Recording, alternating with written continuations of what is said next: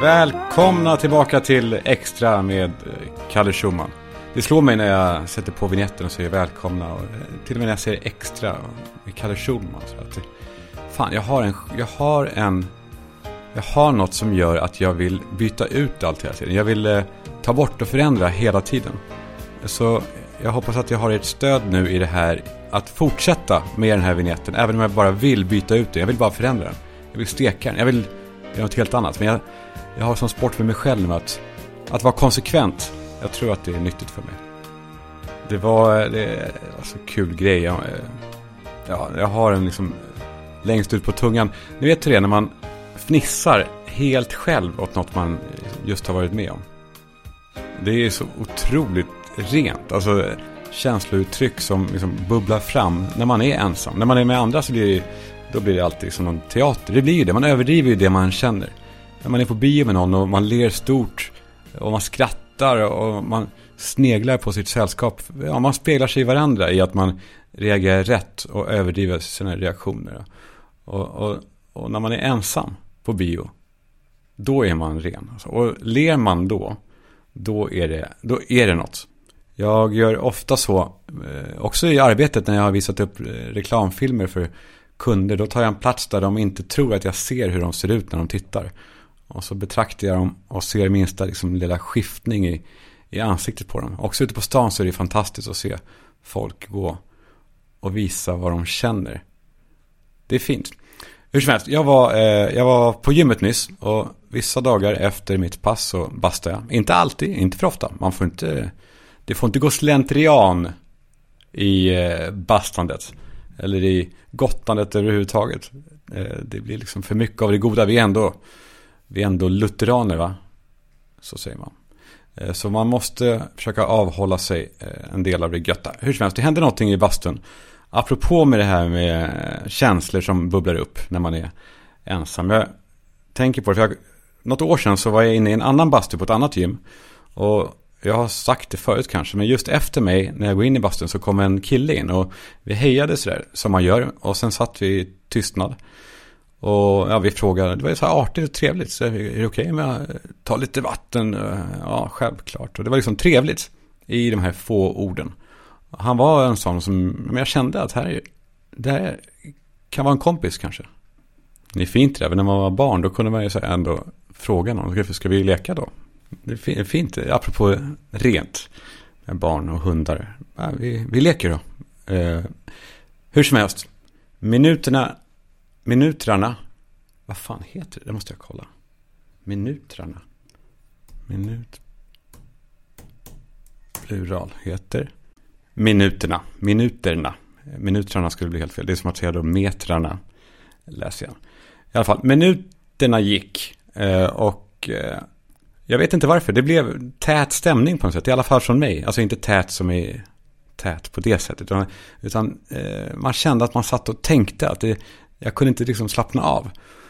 Uh, när han reste sig och gick mot dörren så, ja, det bara följde mig in att jag låter som en kyckling. som att han vek sig. Att han förlorade och jag vann och, och han, han var bögen i det här rummet. Så jag skrattade åt mig själv där och han vände sig om och garvade och jag garvade och ja, jag andades ut att han inte tog liksom illa upp. Eller ännu värre, hade det varit om man inte hade reagerat överhuvudtaget, utan bara gått.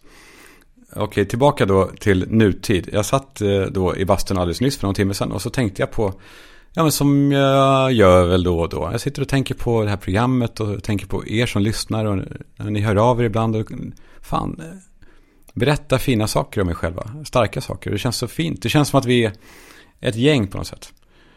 Och så, och så kommer det in en farbror. Och han är inte stark. Han är tunn. Han är smal. Han är... Han... Äh, men han... Eh, torr och fnöskig. Det hänger liksom hud vid rumpan. Ni kan säkert se det framför er. Och han går liksom eh, med böjd rygg lite grann. Och hans kön är skalligt. Det är inte rakat utan det, det är skalligt och, och känns snopet på något sätt. Det hänger långt. Och eh, ja, den här farbrorn han sitter inte längre för han är ju äldre. Och när han går, då kommer jag att tänka på den här eh, storyn från tidigare bastun. Där jag gjorde kycklingljudet. Och jag tänkte på det orimliga i att jag skulle göra det nu också.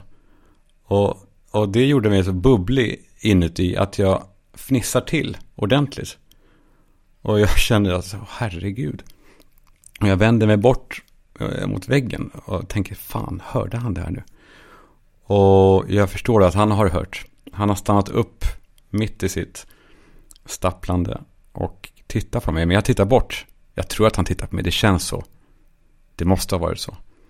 Och jag låtsas ha hosta. Och säger oj, oj, oj. Det där var, jag vill liksom hosta. Att det där var inget fniss. Det där var någonting annat. Och jag blundar hårt. Och sen hör jag att dörren går igen bakom honom. Och jag hör hur han sätter på duschen där ute. Och jag tycker att jag hör vad han tänker. Vad är det för dåre som sitter där inne och fnissar. När en gammal man ger upp som jävla kyckling. Nej då. Ja, nej hörni, välkomna tillbaka till eh, Extra. Jag är extra glad. Oh. Äh, skitsamma, jag kör på. Nu skulle jag ha brutit och spelat om, ja. Det är vad det är. Det jag ville säga var att jag är, jag är så jävla glad för alla er som hör av sig efter förra veckans program. Det blev lite, eh, ja, jag, jag, jag vidrörde något ämne som är kanske känsligt för många. Alltså när någon nära en mår dåligt. Eller när man kanske mår dåligt själv. Man kanske känner igen sig själv i, i saker. Eh, ni som inte har hört kan vi göra det. Men i korthet så handlar det om att ja, min, min mamma mådde inte alltid toppen. Och och så var det någon gång när jag kände jag var tio år att eh, det här nu är inte bra. Och mamma sa att hon, nej men, eh, ja, hon sa att hon inte älskade att leva jättemycket. Och jag sa, men du har ju mig. Jag finns ju. Och, och hur jag då förstod att det inte räckte som anledning för henne att, att leva. Och det är ju som det är. Det är ju det är alltså, det är verkligheten. Det går inte att säga att hon var dum eller så. Det var inte ondsint av henne. Det enda jag kan känna nu och kanske känner någon igen sig i det. Det är, det är att man önskar att någon hade sagt till mig då att det är klart att det är så. Det är klart att du inte kan vara någons anledning att liksom leva. Det, alltså, det är inget misslyckande av mig som son eller medmänniska. Det här är någonting annat. Det här är bortom din kontroll, Kalle. Det önskar jag att jag kunde säga till mig själv. Och kanske till, till barnen där ute nu som, som just har förstått att det är så. Att det, det är inte deras fel. Och det är inte deras rätt heller. Det bara är så här. Vissa saker är så bara. Och några av oss får vara med om det här och några inte. Och det är inte vårt fel. Det finns en utbredd åsikt där ute. Ehm ska man ta upp det här eller? Ja. Jo. Ja, det finns en åsikt där ute där man säger att självmord är det mest egoistiska man kan göra. Och varje gång jag hörde den där meningen, från att jag var liksom, eh, barn, litet barn, eller tio. Hela vägen från barndomen upp till, liksom, eh, till vuxen ålder så fick jag en klump i magen av det där. Jag ifrågasatte den inte alls. Jag tog den för en sanning, så som man gör med påståenden där ute. Och jag är säker på att jag själv har sagt samma sak en massa gånger till andra människor. Och vad innebar det då? Jo, nej, att det är fel. Man kan säga mycket om, om eh, ja, men kanske min mamma till exempel. Och andra som går igenom något, något tufft, eller depression eller eh, sorg eller sjukdom eller vad det nu är. Man kan kalla dem för mycket skit och så. Men att kalla dem egoister utanpå allt som de går igenom. Det är verkligen inte rättvist. Det är, ja, egoister är det, det är det sista de är. Tyvärr. Eh, det här har ju påverkat mig och många andra. Jag behöver inte säga många andra. Ni får väl ta mig för, för en person då. Men det lärde mig att hålla utkik efter folks planer. Jag såg att planer, där finns det någonting. Jag lärde mig att älska de små planerna som folk har. För de bevisar att de bevisar att personen som har de här lilla planen vill leva. I alla fall i alla fall för stunden, i alla fall tills det de har planerat är klart. Och ju mindre en plan är, desto viktigare är den då eh, för mig. Eh, för att den är mer trolig då. Ingenting gläder mig mer än att höra en människa prata om, om pytteplaner. Alltså ett program de vill se på kvällen. Eller att äta någon mat de tycker om. Eller att de måste köpa mjölk. De stora planerna som folk har, de är ju bara diffusa. Det, det, alltså, det, det kan man ju bara säga. Det är, bara, det är typ drömmar. Helt liksom, orealistiskt. Eller jag menar inte dissa folk med drömmar. Men det är så lätt att säga att jag ser framför mig eh, att jag ska bo... Eh, hur man ska... Eh, det blir så stort. Det är de små planerna. Det är de som visar, i alla fall mig då, tras, tras eh, dockan Kalle, att allt är okej. Okay. Allt, allt är okej. Okay. För det är väl så att när man slutar planera saker, då är man inte då är man inte en människa, då är man bara en liten lort. nej, nej, så kan man inte säga. Men det är lite kul, det är kul när man missbrukar det där. Det där med liten lort. Var är Mio som sa det? Nej, lejonhjärta. Jag ska hitta det. Det finns saker som man måste göra trots att det är så farligt. Varför då? Därför att annars är man ingen människa.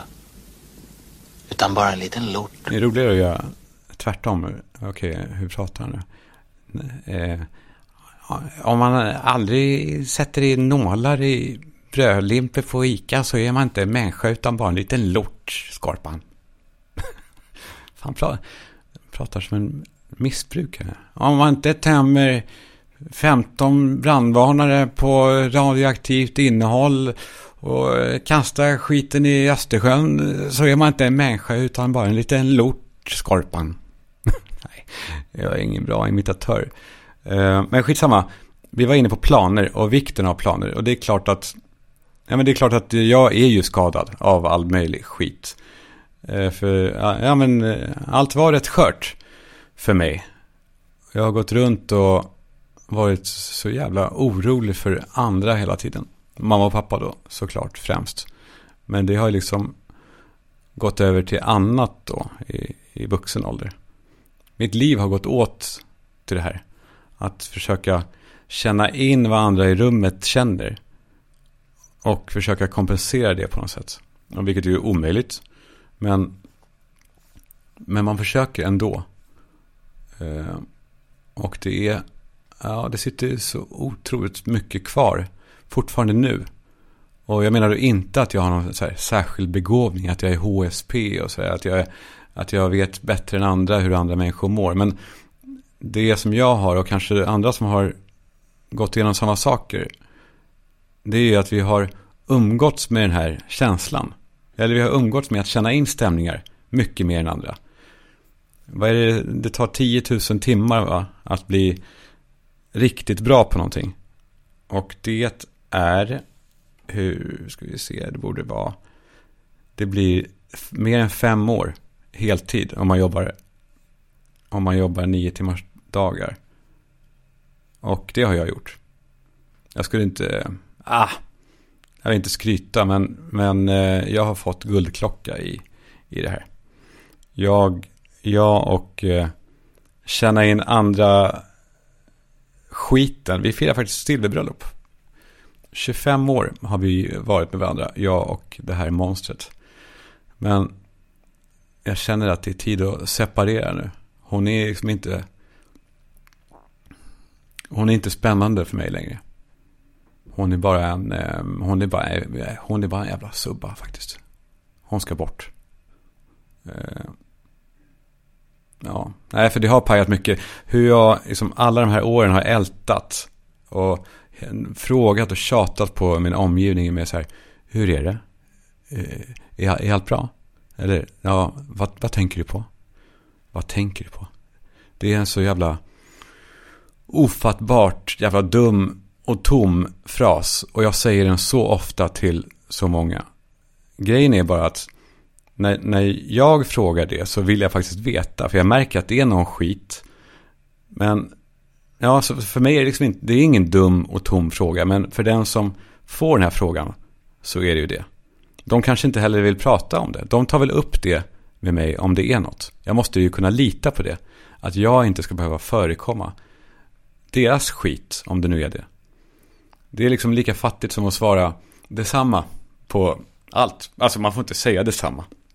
Kan man inte anstränga sig lite i alla fall att, att återgälda på något sätt mer än detsamma? Kanske typ, ja du också, det är ju fattigt, men det är okej. Okay. att svara detsamma, det är, då, man har gett upp då. Alltså man har, inga, man har inga planer tillsammans med den som man säger detsamma till. Man, eh, man är bara en liten lort. Man är också en liten lort om man tror att man bara kan knalla in hos random salong och be om att få bli klippt eller masserad eller vad det nu är. Nej, det går inte till så. Man går till bokadirekt.se. Eller det kan väl gå till så då. Men om man är en riktig människa, då går man in på bokadirekt.se. Man kollar lediga tider, man kollar betyg och man kollar närhet och man kollar, man kollar allt. Så var inte en liten lort, var en riktig människa. Boka direkt.se. Inte bokasen.se. Tack Boka Direkt! Tack också Vid, för ni vet ju hur det är nu för tiden. Man går in på 7-Eleven eller Pressbyrån eller, eller vad det nu är. Och så tittar man bakom disken och nu är det alltså 714 snussorter. Ish. Och alla de där doserna, de står och skriker. Som, eh, som uppmärksamhetstörstande ungar. Och man blir mer och mer generad för varje gång man ska be om någon av dem. Och man ser liksom, nej, nej, den där lite längre ner och till höger. Och så, upp en, inte den, där, nej, inte den, där, en uppåt, den. Va, eh, vad är det för smak på den? Och så säger han skit. Och så bara, aha, men, men du kanske har någon annan, eh, den, den lite längre upp, den där. Ja, ni fattar, det där går inte. Så kom vid. Vid. Vid kom. Och då behöver man inte stå där och skrika och göra bort sig och genera sig. För det är ju så med varumärken som vid, som har gott självförtroende, att de vet att de vinner ändå. Så gå in på snusbolaget eller vilken snussajt du vill. Välj vilken smak du vill och slipp stå och skämmas på 7-Eleven. Så ja, om du är 25 såklart. Och om du vet att nikotin, det är mycket beroendeframkallande. Tack Vid. I förra veckans program så tog jag en promenad med Pontus Gårdinger där det helt eh, oförhappandes kom fram att han är savant. Han är eh, ett geni. Eh, jag fick nu med honom till ett kontrollerat rum där han skulle få ge prov på exakt hur det går till. Men först och främst då Pontus, är du savant? Ja, eh, det var du som sa det. Eh, nu har vi eh, Pontus ställt upp för att göra ett, ett, test för att visa hur det verkligen går till. Eh, är du nervös för det här på något sätt? Vi kanske inte ska kalla det för ett test, för eh, det är väl snarare en demonstration. En demonstration, exakt. Ska också tillägga det för sakens skull att de frågorna som vi ställer till Pontus är han inte ett dugg förberedd på. Han har inte fått någon information om någonting som jag kommer fråga honom. Ska vi ta en mjukstart? Ja, sätta mig till rätta. Ja. Och fokusera. 8 gånger 8. 64. Det är rätt. 33 minus 20. 13. Det är rätt. 345 minus 218. 127. Det är korrekt. Du börjar bli varm i kläderna. Mm. Det här känns, eh, ja, ännu så länge är det inga större svårigheter. Om du tar den här då, 112 gånger 7.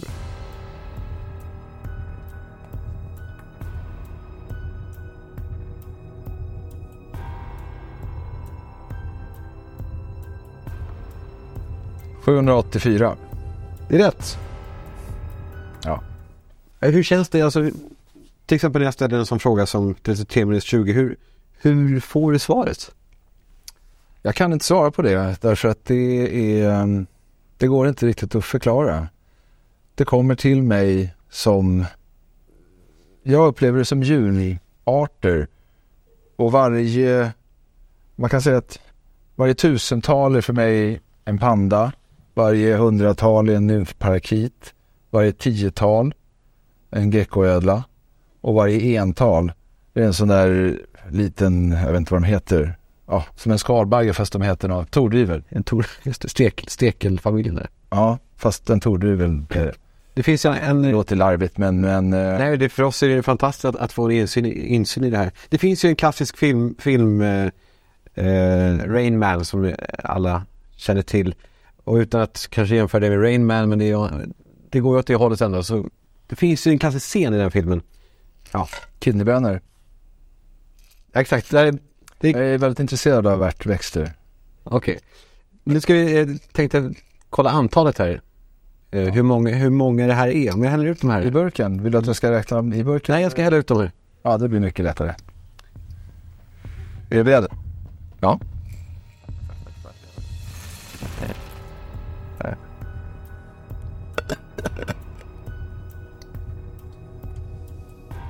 ...322. Det är väldigt nära.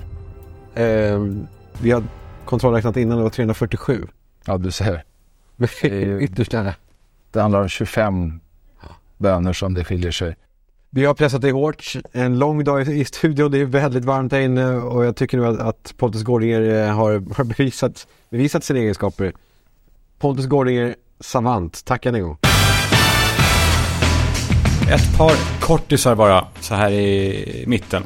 Jag, eh, jag roar mig med ibland att eh, titta på människor i sociala medier som tar sig liksom friheten att komma med goda råd. Inte bara eh, faktiska, så här, tekniska råd, utan med, de kommer med råd om hur man ska leva sitt liv. Och ofta så har de startat en liten, eh, en liten så coachlåda som de marknadsför med, med små nedkok på Instagram där de, där de berättar om hur man borde göra här i livet. Hur man borde tänka och sådär. Alltså man uppmanas att ta sin plats, you go girl. Eller vad det nu är. Alltså ofta så är det ju är det så här peppande för tjejer. Och det är bra, det är underbart ju. Eh, Men så kollar jag om jag hittar några killar som håller på sådär. Då finns det den här Gentleman's coach. ju. Eh, Det handlar mest om försäljning. Ofta, eh, killarna som håller på. Men en ny förmåga är då Vlad Reiser. Jag vet inte om ni har hört talas om honom. Jag har hört hans namn under massa år. Han har varit och stökat på YouTube och sånt där. Alltså, som en, eh, han har väl skojat och så. Men nu har han slagit in på en, en ny bana. Han vill eh, med all tydlighet vara en svensk eh, Jordan B. Peterson. Eller Andrew Tate.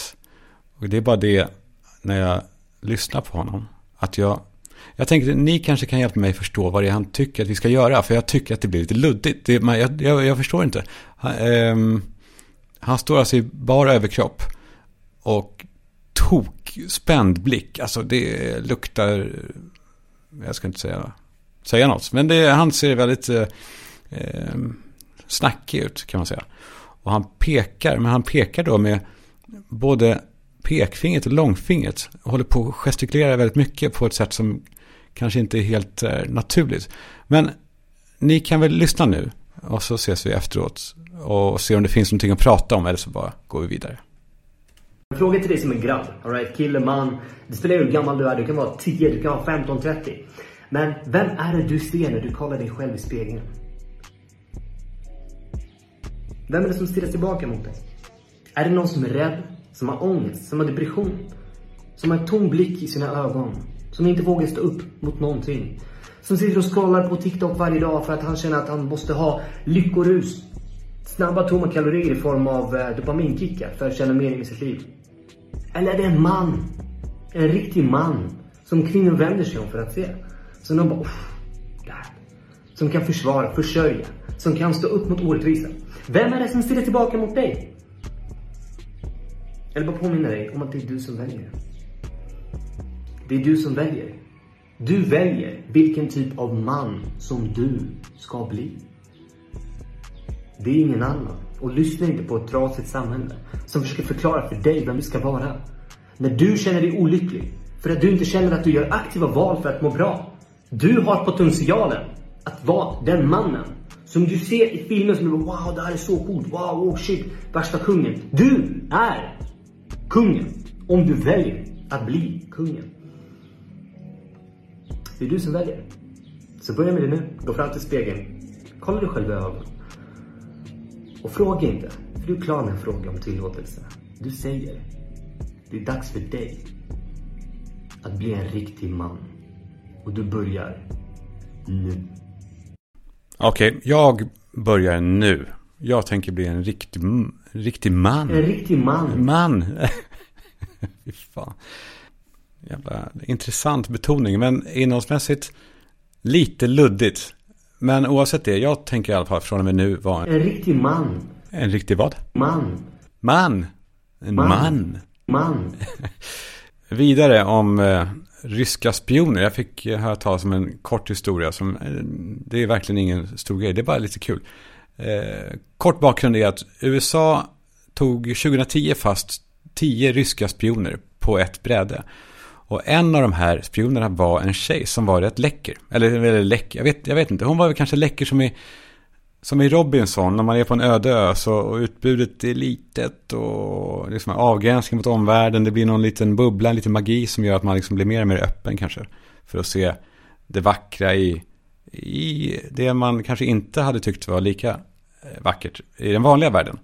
Skitsamma, den här tjejen, en av spionerna, var het. Och eh, samtidigt så hade Ryssland tagit fyra amerikanska spioner på plats i Ryssland. Och nu skulle de bytas ut, de här eh, spionerna. Joe Biden är vicepresident och sitter hos eh, Jay Leno. Som frågar hur det kommer sig att, ja, matematiskt, att USA fick tillbaka fyra soldater och Ryssland fick tio. Eh, ja, vi lyssnar. Och med förbehåll då, det kanske är lite grabbigt då, men skitsamma, det, det kan väl vara ett litet garv bara. We traded 10 for four. Now, I know our math skills are not as good as they should be, but that doesn't seem fair. Why, why do we trade 10 for four? Well, we, we got back four really good ones. Yeah. And uh, Ja, sorry, jag bryter in här, men eh, ja, det är väl lite kul informellt snack om ändå så pass viktiga grejer. Och nu går Leno in på den frågan som alla kanske vill ha svar på då. Har USA också så heta spioner ute i världen? Do we have any spies that hot? let me make it clear. It wasn't my idea to send her back. Jag känner mig så jävla larvig som håller på att översätta åt er. Men det var bara för att det var lite svårt att höra kanske vem som var vem och så här. Men, men det var inte jag som bestämde att, att den här heta ryskan skulle skickas härifrån. Kul! Vidare i extra... Nu kör vi. Jag satt ibland med mamma på söndag förmiddagar. Det känns som att det var söndag förmiddagar. Hon löste korsord och, och jag löste pyssel. Vi pratade inte eh, så mycket med varandra. Men vi var liksom nära i den här tystnaden. Jag kände det som att eh, jag visste på något sätt att varje sekund här, i det här, var bra för mig och min hjärna. Eh, den här känslan av trygghet och förutsägbarhet på något sätt. Så jag visste att det här var eh, inte ofta och när det händer då måste jag utnyttja det. Och om jag sköter det här nu utan att säga något fel eller störa eller förstöra någonting eller tappa något. Då kunde det här fortsätta i kanske timmar. Mamma drack kaffe och jag drack, eh, drack ingenting. För att varje liksom övermodsgärning från mig, alltså att jag skulle be om att ta saft, ja, då skulle det kunna vara kört. Det var skört.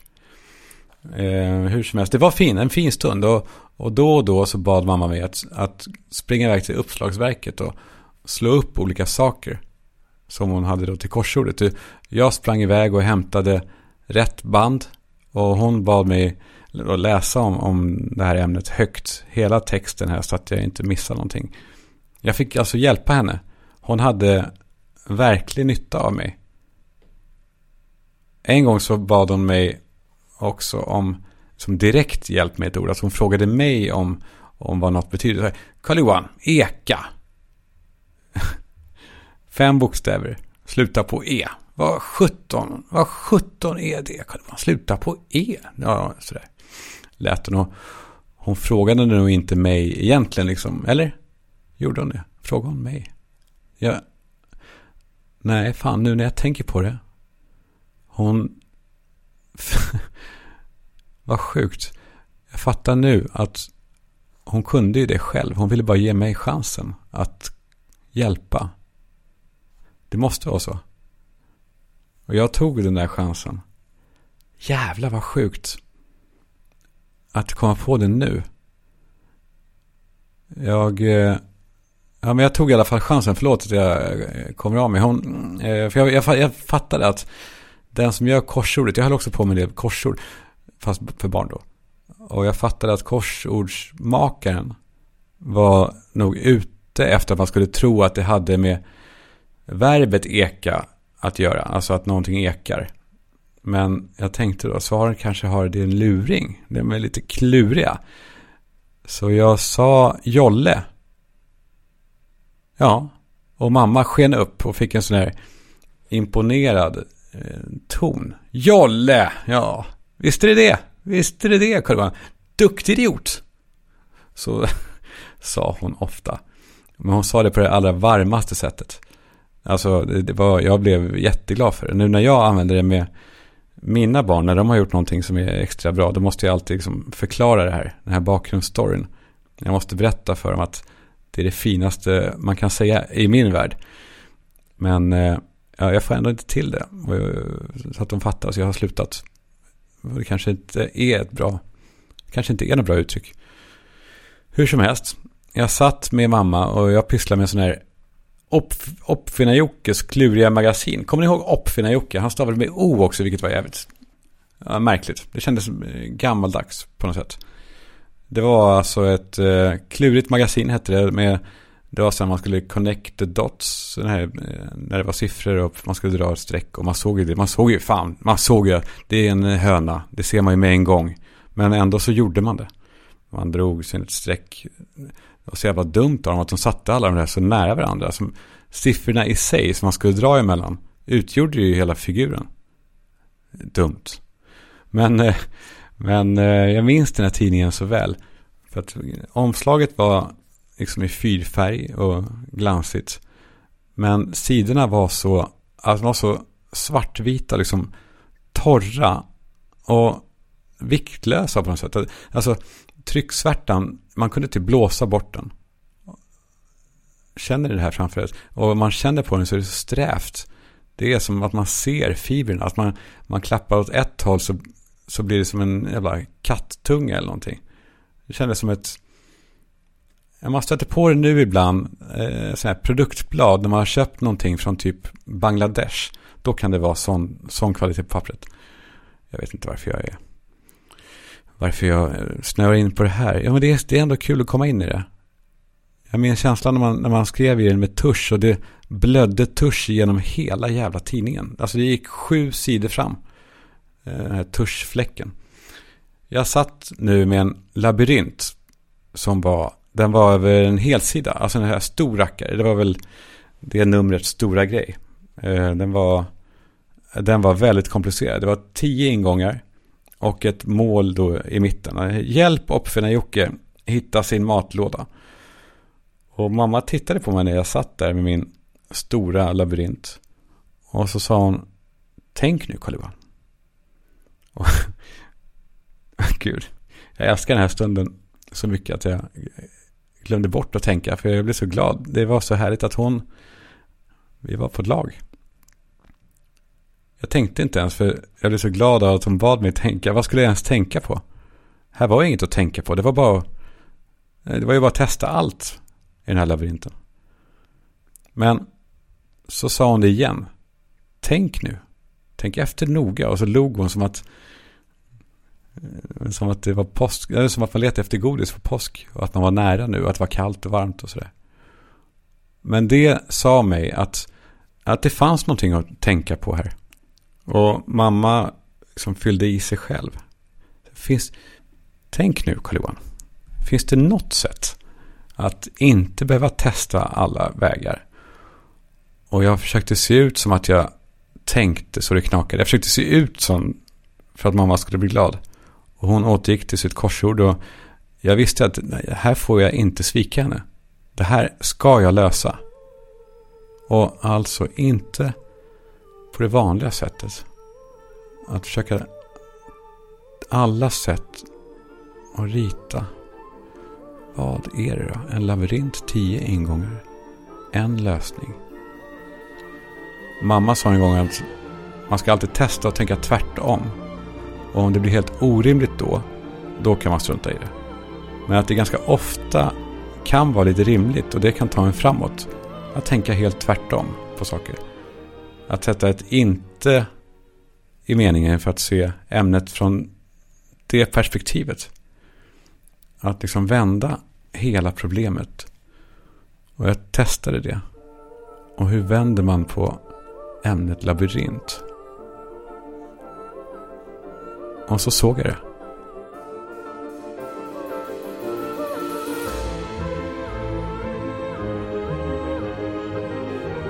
Det bara, det bara strålade mot mig, hela lösningen. Den här stunden är när när man är med sin mamma och allting är bra och man kommer på någonting och man vet att mamma ska bli glad. Och jag, jag ropade Mamma!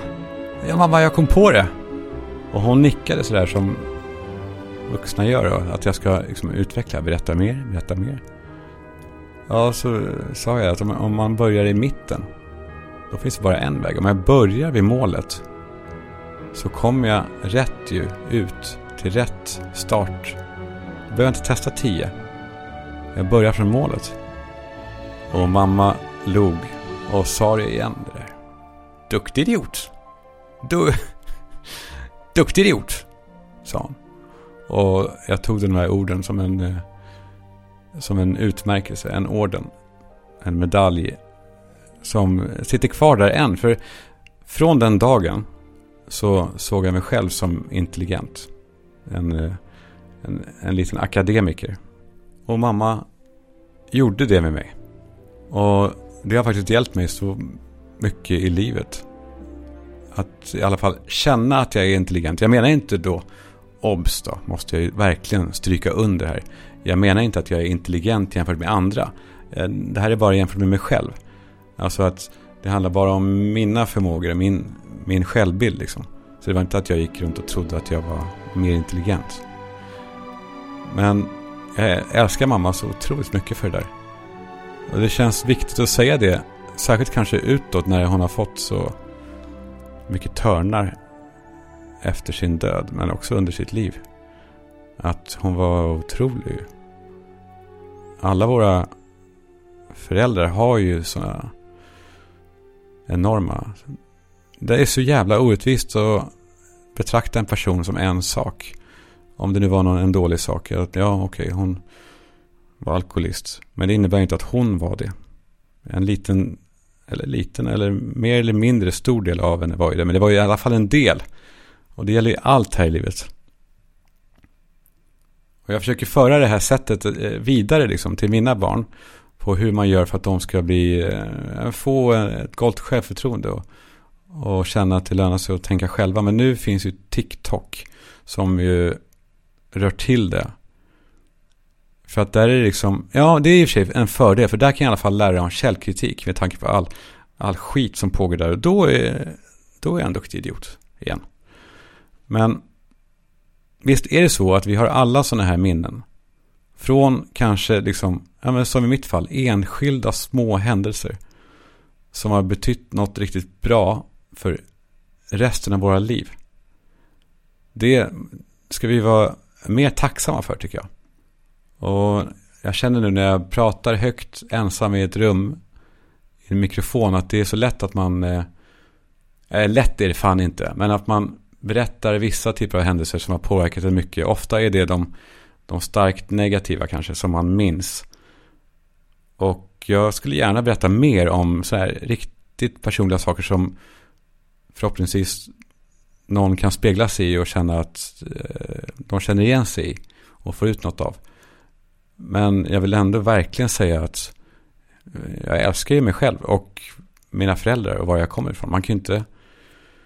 Ja, jag ville bara säga det. Jag kände det kanske efter förra veckan att det lät så jävla mörkt som att jag är... Eh, nej. Vi, har, vi är inte... Vi är inte analoga vi människor. Vi är labyrinter. Så jag tycker att jag hör Where everybody knows your name tona upp. Och vi säger så. Vi säger så för den här veckan. Jag ber, ber er, jag ber. Ni får gärna höra av er, jag älskar det. Både med så här tips på eh, grejer jag kan snacka om, men också saker som ni har varit med om. Eller om det är någonting som ni jag vill bolla, vad fan som helst. Det är mysigt det här. Det är ni och vi, gänget. Nu gör vi... Eh, ja, nu är vi vecka. Tack för att ni lyssnar. Sometimes you wanna go where everybody knows your name. And they're always glad you came. You wanna be where you can see our troubles are